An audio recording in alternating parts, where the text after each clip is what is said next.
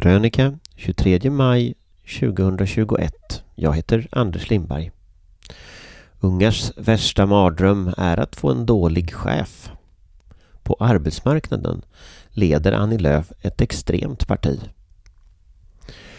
Det är ett privilegium för politiska ungdomsförbund att få göra bort sig utan större konsekvenser. I veckan presenterade Centerpartiets ungdomsförbund SUF en video där de kampanjade mot lagen om anställningsskydd och presenterade sin nya ordförande Reka Tolnai 22. Det blev nog mer avslöjande än de hade tänkt. Inga onödiga sosselagar ska kunna stoppa dig. Vi kan inte ha en lagstiftning som skyddar Britt-Marie 45 som har suttit kvar i fikarummet i flera år, säger Reka Tolnai. Det tog, om uttrycket ursäktas, hus i helvete. Dels är det ganska uppenbart kvinnohat, som Expressens kulturchef Karin Olsson riktigt påpekade. Tycker verkligen SUFs kampanj om Britt-Marie är misogyn, fy alltså, sa hon.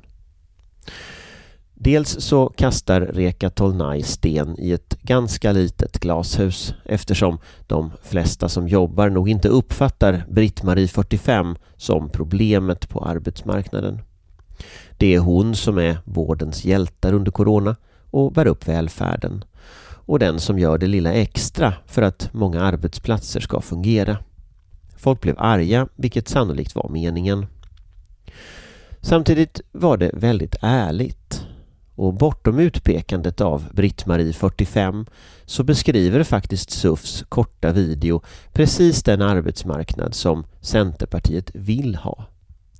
Inga onödiga sosselagar ska hindra chefer från att byta ut den som inte klarar konkurrensen, håller lägre tempo, har svårt med senaste IT-utvecklingen eller kanske bara är lite skör. I verkligheten är sannolikt inte fikarummet problemet för Britt-Marie, 45, utan att om hon skulle klaga på arbetsmiljön, anmäla sexuella trakasserier eller kritisera chefen, då blir det tack och hej. Fallet med sjuksköterskan Stine Kristoffersen är nog en ganska bra exempel. Hon berättade i Expressen om Attendos äldreboende Sabbatsbergsbyn. Det höll inte isär friska boende och äldre som var sjuka i covid. Som straff gav Attendo henne en skriftlig varning, en åtgärd som inte drogs tillbaka förrän fallet granskades nyligen i Sveriges Radios dokumentär Det illojala vårdbiträdet. I SUF Sverige hade knappast några onödiga sosselagar hindrat Attendo från att sparka henne istället. Hon skulle ju, precis som alla vi andra, i praktiken vara provanställd på livstid. Vad det gör med tystnadskulturen på många arbetsplatser behöver vi nog inte fundera så länge på. Men det riktigt intressanta med Reka Tolnais video är att svenska ungdomar verkar tycka precis tvärtom. Enligt Ungdomsbarometern, en återkommande mätning av vad unga mellan 15 och 24 år tycker i en rad frågor, blir istället trygghet i arbetslivet allt viktigare. Vikten av fast anställning, god arbetsmiljö och kollektivavtal har alla ökat sedan 2018, skriver man i ett pressmeddelande.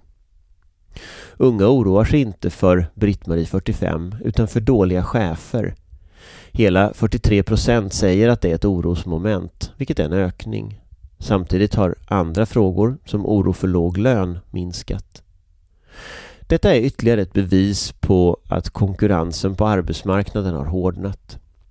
När de vet att det är luft tufft på arbetsmarknaden är det viktigare att ha kvar jobbet än att oroa sig över lön, säger Pelle Alin Olofsson på Ungdomsbarometern. Samtidigt är var sjunde tjej orolig för sexuella trakasserier. De flesta i traditionella arbetaryrken. Var femte oroar sig för att utsättas för starka psykiska påfrestningar. Var tredje för utbrändhet. Unga verkar inte särskilt intresserade av SUFs störst går först arbetsmarknad. Det är inte så konstigt, för under Centerns retorik om en urvattnad arbetsrätt skulle gynna ungdomar är partiet ett särintresse för arbetsgivare. De vill försvaga facket för att tippa maktbalansen på arbetsmarknaden. Resten är retorisk morgondimma. Att döma av Ungdomsbarometern verkar Sveriges ungdomar inte gå på bluffen. Krisen har drabbat unga hårt och sedan 2020 var ungdomsarbetslösheten 24 procent enligt SCB. Historiskt brukar ungdomar naturligtvis förr eller senare få ett jobb och rimligen kommer siffrorna att börja se bättre ut i takt med att Sverige öppnar upp efter pandemin.